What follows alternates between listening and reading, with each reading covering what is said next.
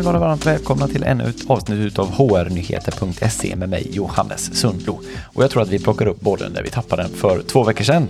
Och då pratar vi om att du behöver bestämma dig vad som är rätt för ditt företag, eller kanske inte för ditt företag just, men för företaget som du jobbar på när det gäller remote work. Och det här avsnittet kommer jobba utifrån premissen att, att, du har bestämt dig för att tillåta folk att jobba hemifrån helt eller, eller delvis. Eh, så att en hybridlösning eh, på något sätt. Det är ju där jag tror att de flesta kommer landa. Eller kanske inte de flesta, men många kommer landa där i alla fall. Att man tittar på en hybridlösning. Ska jag också säga det att Google kom ju ut samtidigt ungefär som jag släppte mitt avsnitt. Jag vill inte säga att mitt avsnitt påverkade Googles beslut på något sätt. Jag tror att de hade bestämt sig innan, men de kom ut samtidigt med och sa att de inte inte kommer tillåta remote work, vilket också är intressant. Jag undrar lite vad som ligger bakom det. Så att, har du hittat någon artikel eller någonting som eh, förklarar mer kring hur Google tänker så dela gärna med dig av den, för jag har letat men inte hittat riktigt något riktigt resonemang bakom deras beslut i den här frågan. Så det skulle vara jättekul att höra. Men som sagt, det här kommer då ta sin utgångspunkt i att, att vi har landat i någon form av hybridlösning på det och nu ska vi prata om hur ska vi då implementera Hur ska vi göra när det kommer till att implementera den här då hybriden? Vad ska vi tänka på? Vad är viktigt att ha med sig utifrån då mitt perspektiv? Skulle du nu inte ha lyssnat på det lätt och, och känner att ja, jag vet inte vad jag står i det här. Pausa här, hoppa tillbaks till det lätt. Den ligger antagligen i din poddspelare. Leta upp den, lyssna på det och sen kom tillbaks hit. Och jag tänker löst, ska sägas, väldigt löst ha någon form av Employee Life Cycle som bas för det här avsnittet. Och det, det, jag säger det för att vi kommer inte ta det hela vägen i mål. Ja, men jag har den som någon fundament i det, i det här, tänker jag. Så vi börjar med rekrytering helt enkelt. Och utav de större företagen som Facebook, Twitter och Square, de, de aviserade ju alla för snart ett år sedan, eller lite mer, att de kommer tillåta remote work även efter pandemin, så tryckte man extremt mycket på att tillgången till talang det var en av de absolut största drivande faktorerna bakom det beslutet. Och jag, jag har sagt det förr, men jag säger det igen, Mark Zuckerbergs Town Hall från 21 maj förra året, det är en extremt bra lyssning. Han eh, annonserar att de kommer tillåta det till viss del, de kommer testa det. Och han, han annonserade på ett bra balanserat snack om remote work och, och det är verkligen eh, värt att se. Om du nu inte har lytt min inrådan förut, titta på det, eh, googla det och, och, hitta det. Jag tycker det är ett jättebra, det, det, är en bra ingång till remote work också. Men allt det här med att vi hittar talang, det är ju rätt självklart egentligen. För, förut har geografin varit en starkt begränsande faktor och även om företagen, som jag precis räknar upp och många andra också, normalt sett erbjuder generösa paket för att du ska flytta nära ett kontor, så, så kan inte eller vill inte alla göra det. Och, och, remote work vidgar ju den potentiella medarbetarpoolen och möjliggör för organisationer att anställa personer ja, men utanför landets egna gränser. Men här är ju också eh, tipset då att, att titta inte i början utanför landets egna gränser. Det, det, är lätt att springa iväg och hämta vatten på andra sidan ån.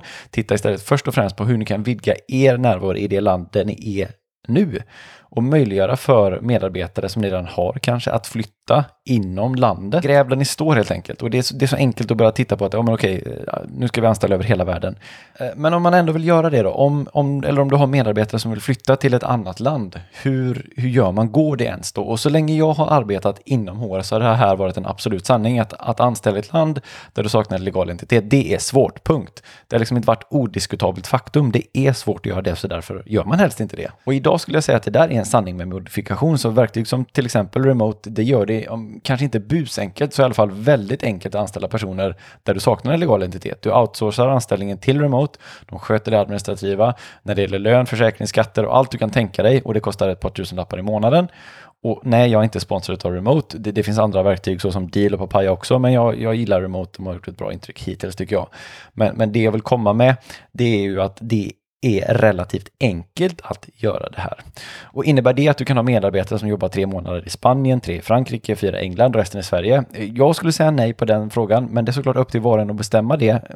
Inte till individen då, utan till er som företag att bestämma, ska vi tillåta det? Jag tror att det blir enklare om du bestämmer att varje medarbetare ska ha ett permanent ställe att utgå ifrån och där måste man vara i minst 12 till 18 månader innan man byter och det är ju framförallt då för ja men, skatteskäl, det är enklare för medarbetaren också att hålla koll på var ska betala skatt någonstans. Men, men liksom det åt sidan, det finns egentligen inga legala praktiska hinder kring att anställa andra länder idag som inte går att överbrygga relativt enkelt. Och jag tar upp det här för jag tror att det är en av de vanligaste missuppfattningarna som jag har sett i mina nätverk, att ja, men det är väldigt, väldigt, väldigt svårt att anställa i ett annat land. Det kommer bli svårt, det är ju att få ihop folk som sitter distribuerat. Det tror jag kommer bli det svåra. Och när du väl anställt folk så ska du också såklart omvårda dem, ta in dem till ditt företag, till din organisation och det har vi tränat på ett år så att vi börjar bli hyfsade på det, men jag tänker att det är bra att prata om det ändå. Eh, och, och, nu tänker jag inte gå in på hur du skickar en dator eller telefon till de som inte sitter på ett kontor, utan mer hur du plockar ombord de som ska anställas utifrån ja, men att de ska ges förutsättningar att göra sitt jobb. Kom ihåg nu att vi, vi rör oss ju emot en värld där vi kommer att kunna ses. Jag, ibland tycker jag att vi tappar bort det också. Vi kommer ju förhoppningsvis i framtiden också att kunna ses igen. Även om remote och hybrid, eller vad det nu kommer landa i, det kommer också vara en del i det, men vi kommer kunna ses. För jag tror att det är en viktig komponent även i den framtida onboardingen. Att den anställde inom ett kvartal eller, eller så kommer till ett kontor och, och får se och känna och träffa folk också på ett kontor. Jag tror att den första kontakten är viktig fortfarande. Och sen om det är så att du lyfter dit en specifik anställd till ett kontor eller om du samlar upp alla i någon form av onboarding days så tror jag att det kommer bli superviktigt att ha de här tillfällena för att skapa en gemensamhet. Att vi kommer kunna se så att vi kunna, kommer kunna skapa relationer genom de tillfällena. Så det blir ju extra viktigt det första tillfället att kunna vägleda den nya personen in i organisationen på ett, på ett bra sätt och ett praktiskt sätt att ge ett kontakt, en kontaktyta. Kommer bli ännu viktigare tror jag om man sitter inte på samma ställe. Och jag menar, det här är inte unikt för att du, om du sitter på remote work, det räcker ju att du har olika driftställen så, så tror jag att det är bra att samla folk i en onboarding-situation. Så även om du absolut inte tänker att ja, men jag ska jobba med remote work, så tror jag ändå det finns något att lära sig här, att, att samla individer och, och skapa en gemensam kultur. Och jag gillar också modellen som Elin Almroth lyfte fram när vi pratade. Och har du inte sett det snacket så ligger det i show notes. Men hon pratar om att det, de har ett buddy system och du får en kompis kort och gott. Och det är ju också en produktidé som jag skulle vilja se i ett HR-system, att du blir assignad en buddy när du börjar på, på ett nytt företag. Men någon som egentligen kan guida dig in, som inte är din chef eller som du kanske inte har jobbat med hela tiden, men som någon som kan guida dig in kulturellt och hjälpa dig navigera i organisationen. Och det, det, är ju heller inget unikt. Jag tycker bara att det är bra att sätta en rutin kring att det faktiskt finns, för det är lätt att glömma bort det emellanåt. Så någon som du kan vända dig till och bara, men hur funkar det här? Eller jag förstår inte det här, eller kan du ge mig kontext kring det? Som kanske du är lite för känsligt att ställa till en chef eller HR, utan bara en, en buddy som du har internt i organisationen. Onboardingen, den tycker jag också är ett bra tillfälle att upplysa och sätta de spelregler som organisationen har. Och, och, nu är det ju så att ni går in i en hybrid så är ju också det ett läge att sätta spelreglerna för hela organisationen egentligen. Så det blir ju Ja, det blir ju två perspektiv det här. Det blir för nya men också i och med att det blir en ny ny så, så gäller det också för övriga organisationen. Och då tänker jag ju framförallt på till exempel vad som gäller för fysiska möten. När ska man samlas? När kommer organisationen ses? Och, och, och vad är en okej okay svarsfrekvens på mail, Slack eller Teams? Och liksom, vad, hur kommunicerar vi eh, med varandra? När får man störa varandra? När får man i, absolut inte störa varandra? På vilka plattformar kommunicerar vi? Eh, vilka meddelanden skickar vi var och så vidare? Alla de här frågorna, få upp dem, prata om dem och bestämma för er organisation, vad är det som gäller här? Om att sätta de spelreglerna, det tror jag är, är, avgörande. Och sen också att informera, implementera och stötta i att de efterlevs. För det är ett stort förändringsprojekt det här för många, många organisationer. Det, det innebär ju ett nytt sätt att delvis då kommunicera, träffas och mötas. Ja, men det, det behöver jobbas igenom så att, att ja, det, det, behöver stötas och blötas och tas lite tid. Och även om nu vi har då fått öva på det här, eh, att, att sitta hemma, så kommer ju verkligheten vara en annan och då, då krävs det en tydlighet gentemot medarbetarna, eh, tror jag, om vad som gäller. Och, och, det här gäller ju inte bara möten och svarsfrekvenser på mail, utan det gäller ju att ha en struktur egentligen och tanke på allt. Och det är ju ingenting nytt. Jag menar, det här är ju sånt som vi har gjort länge. Vi behöver bara kontextanpassa det något, skulle jag säga, i bästa fall. För en del organisationer är det säkert helt nytt, men, men i mångt och mycket, alltså många av de här processerna och tankesätten, ja, men de, vi har redan tänkt på det här. Det, det, det är ju verkligen inte något nytt under solen egentligen. Det är bara att det blir lite extra fokus på det nu, vilket jag tycker är positivt för väldigt, väldigt många organisationer. Och på tal om struktur, jag har lyft det tidigare då, att, att, att ett HR-system där man kan ha all data på ett samma ställe, det blir ju extra viktigt så att du har den informationen samlad så att det finns ett säkert ställe där du har din information samlad. Och jag säger inte det bara det för att jag är med och utvecklar Alexis HR utan jag säger också det för att jag verkligen, verkligen tror på det. Du behöver ha din data, dina, din ducks in a row. Ja, men du behöver ha koll bara på vilka sitter i Frankrike, vilka sitter i Bromölla. Det, det, du behöver veta det. det. Det är viktig information och den behöver vara uppdaterad. Det behöver vara enkelt för medarbetarna att uppdatera det. Och, och därför tror jag att ett HR-system hjälper eh, i det. Och såklart också så vill ju det HR-systemet antagligen också in och ge onboardingstöd. Att du har en bra onboardingmodul som kan stötta hela den här onboardingprocessen som vi pratade om lite tidigare. Ja, men som du märker, jag har inte kommit så långt i min employee lifecycle, så ni ser ju vart åt det här barkar. Men som en del i onboarding så tycker jag också att det är speciellt Eh, viktigt för distansarbetare att prata om arbetsmiljö och säkerställa och ta ansvar för att de har en god arbetsmiljö. Det ligger ju kvar hos oss såklart eh, fortsatt även om folk sitter på andra platser. Och jag tänker att det kanske är någonting som man till och med ska börja lyfta i rekryteringsfasen. Så här, har du möjligheter att sitta väl? Eller hur ser den situationen ut? Så att man, så inte det kommer som en överraskning här, sen heller, utan att man redan tidigt initierar de, den typen av diskussion. Hur ser din arbetssituation ut om du tänker sitta hemma? Har du möjlighet att ha, att ha ett eget kontor eller ska du sitta på stan? Eller hur, vad är din tanke med det? Så att man redan tidigt lyfter det. Så att kanske till och med redan i rekryteringsfasen, men definitivt i onboardingfasen. Hur strukturerar du din arbetsmiljö hemma. Och, och, man kan ju gå eh, digitala skyddsronder och medarbetaren själv har ju ett lite större ansvar när det kommer till att sitta hemma. Och då är det bra att informera om det ansvaret också såklart. Och återigen, rutiner, struktur, någon form av process. Det tror jag är avgörande för att lyckas med att omvårda den enskilde och speciellt när det kommer till arbetsmiljö, att man har en struktur för det. Om vi sen då tittar om vi sedan då använder Employee Lifecycle som bas och så har vi anställt personen, vi har ombordat dem, pratat arbetsmiljö och allt det här. Hur tar vi då hand om dem i en mer långsiktigt perspektiv? Ja, men det fortlöpande dagliga arbetet helt enkelt. Och det här med spelreglerna, de behöver inte bara sättas för individen, utan även organisationen behöver komma underfund med och skapa stöd för att inkludera medarbetare till exempel.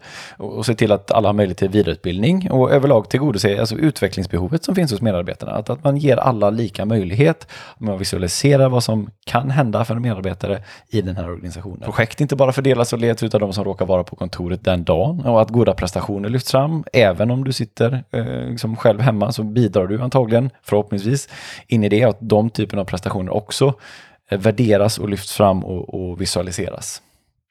Och jag hade ju önskat att jag hade en magisk lösning för allt som jag pratat om här nu. Men, jag tror inte att det finns en one size fits all, eh, utan här får man, man får testa sig fram lite. Som sagt, det är ju en ny, delvis ny i alla fall då, verklighet för oss. Och det blir lite trial and error, men jag ska ge några knep som jag har plockat upp längs vägen och som jag tror på väldigt mycket. Och inte bara egentligen i remote work, jag tror att de kan hjälpa även på andra ställen, men nu blir det ju då i kontexten remote work.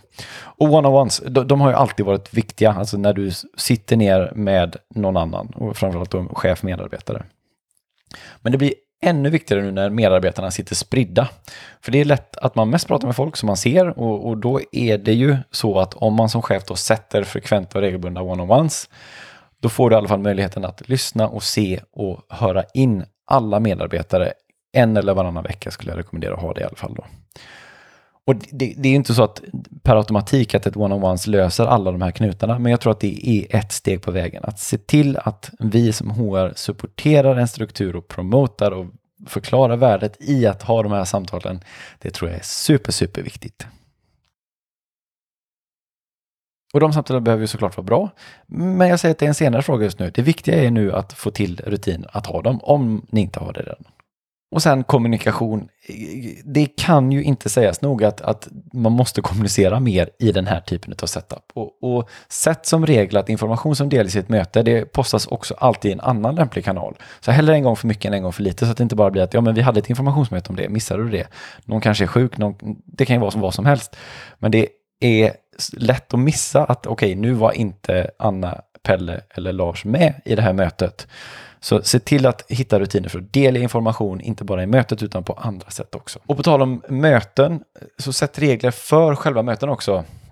One person, one screen är en bra regel som fler och fler beslutar om. Det vill säga att är du ett möte där en del sitter på distans och andra sitter i samma rum så kopplar ändå alla upp sig till mötet med sin egen dator för att jämna ut det lite så att säga. Så att alla är, deltar på samma villkor.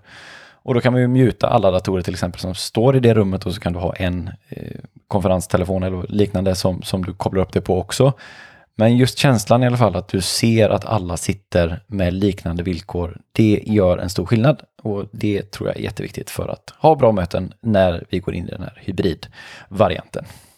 Och sen börjar dina möten med någon form av check-in. Och om det så är en fråga på Mentimeter eller där du går alla deltagare runt, eller vilken form du nu vill använda, det finns ju massa olika verktyg för det här. Men det, det är viktigt att starta mötet med en inkludering, att alla får en möjlighet att okej, okay, jag har i alla fall sagt någonting på det här mötet, så att, så att du har med också dina deltagare. Och det här är ju en hel vetenskap, det här med att hålla bra möten online.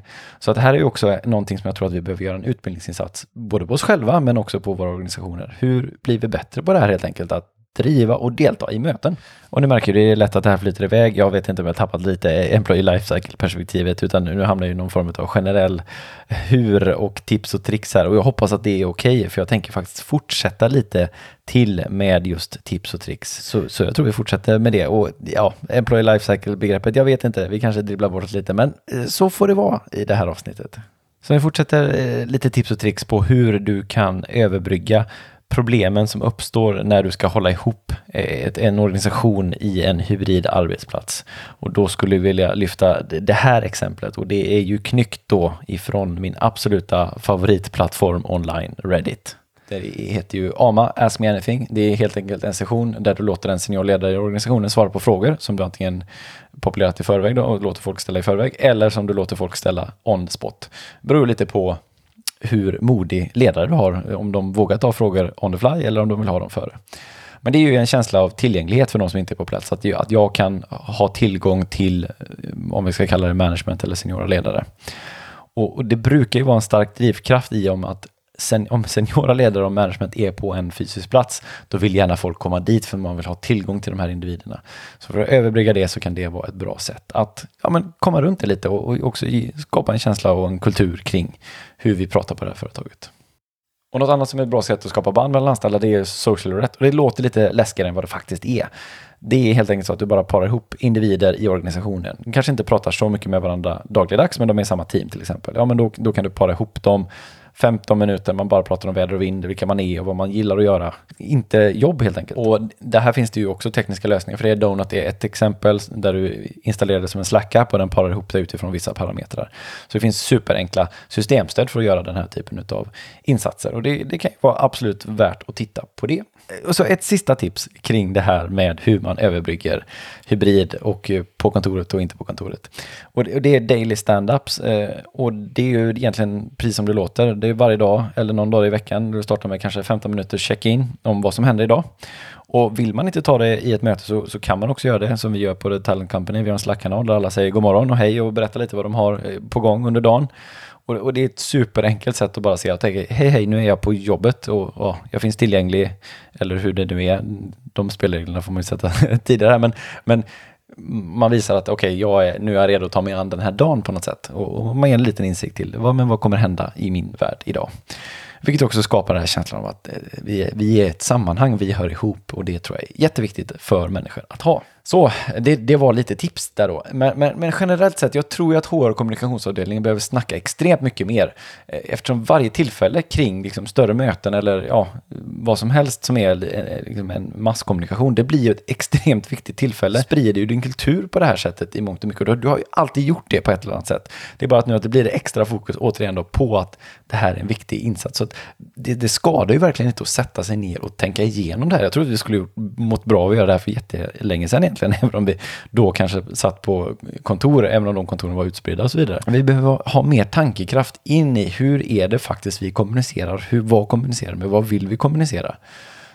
Och, och eh, vi, vi, kan bli bättre på det och vi kan bli bättre på att variera medium som vi kommunicerar på, blanda ljud, bild, text bättre och, och, hitta verktyg också som supporterar det. Och vi behöver utbilda oss själva i det och vara chefer i det. Hur kommunicerar man effektivt i möten som jag sa? Alltså, hur håller man ett bra möte? Och hur kommunicerar man på video? Alltså video kommer vara en stor del utav våra vardagar. Vare sig vi vill eller inte så kommer vi ha mer tid i video efter covid. Det är jag 150 procent övertygad om. Så med allt det sagt, jag tror att klockan börjar ticka upp emot 20 minuter. Det här är mitt överlägset längsta tror jag HR-nyheter. Eh, det, det, finns ju så oerhört mycket mer att prata om i, egentligen, men nu har ni ändå fått lite praktiska hur-tankar ifrån mig. Och, som sagt, ni får ju ta det för här för vad det är. Återigen, jag inledde med att säga det, det är värt att trycka på igen. Det här utgår från att du tänker att en hybrid arbetsplats där du har både folk som jobbar på plats och där folk kommer jobba hemifrån, att det är den som du kommer ja, men, jobba i. Jag hoppas det här blev lite mer konkret än förra avsnittet. Förra avsnittet blev lite fluffigt och kanske lite repetition om man hade sett mitt YouTube live-klipp för några månader sedan också. Det här var förhoppningsvis lite mer konkret, lite mer matnyttigt, någonting som du kanske förhoppningsvis kan ta med dig in i ditt jobb med detta. Och skulle du nu sitta och känna att ja, men jag behöver hjälp med det här, jag, jag, jag kan inte navigera själv i den här nya verkligheten, nej, men hör av dig till oss på The Talent Company. Vi hjälper företag med exakt den här typen av problemställning just nu på flera ställen. Så sitter vi och klurar på hur ska vi få ihop en hybrid arbetsplats. Och det går ju bra att mejla mig på hejethrnyheter.se eller lägg till mig på LinkedIn. Johannes Sundlo heter jag där. För det här var allt som jag hade den här veckan. Jag hoppas att vi hörs väldigt snart i det vanliga, lite kortare formatet ska sägas också, på här på hrnheter.se. Så fram till dess så önskar jag dig bara en fantastisk dag.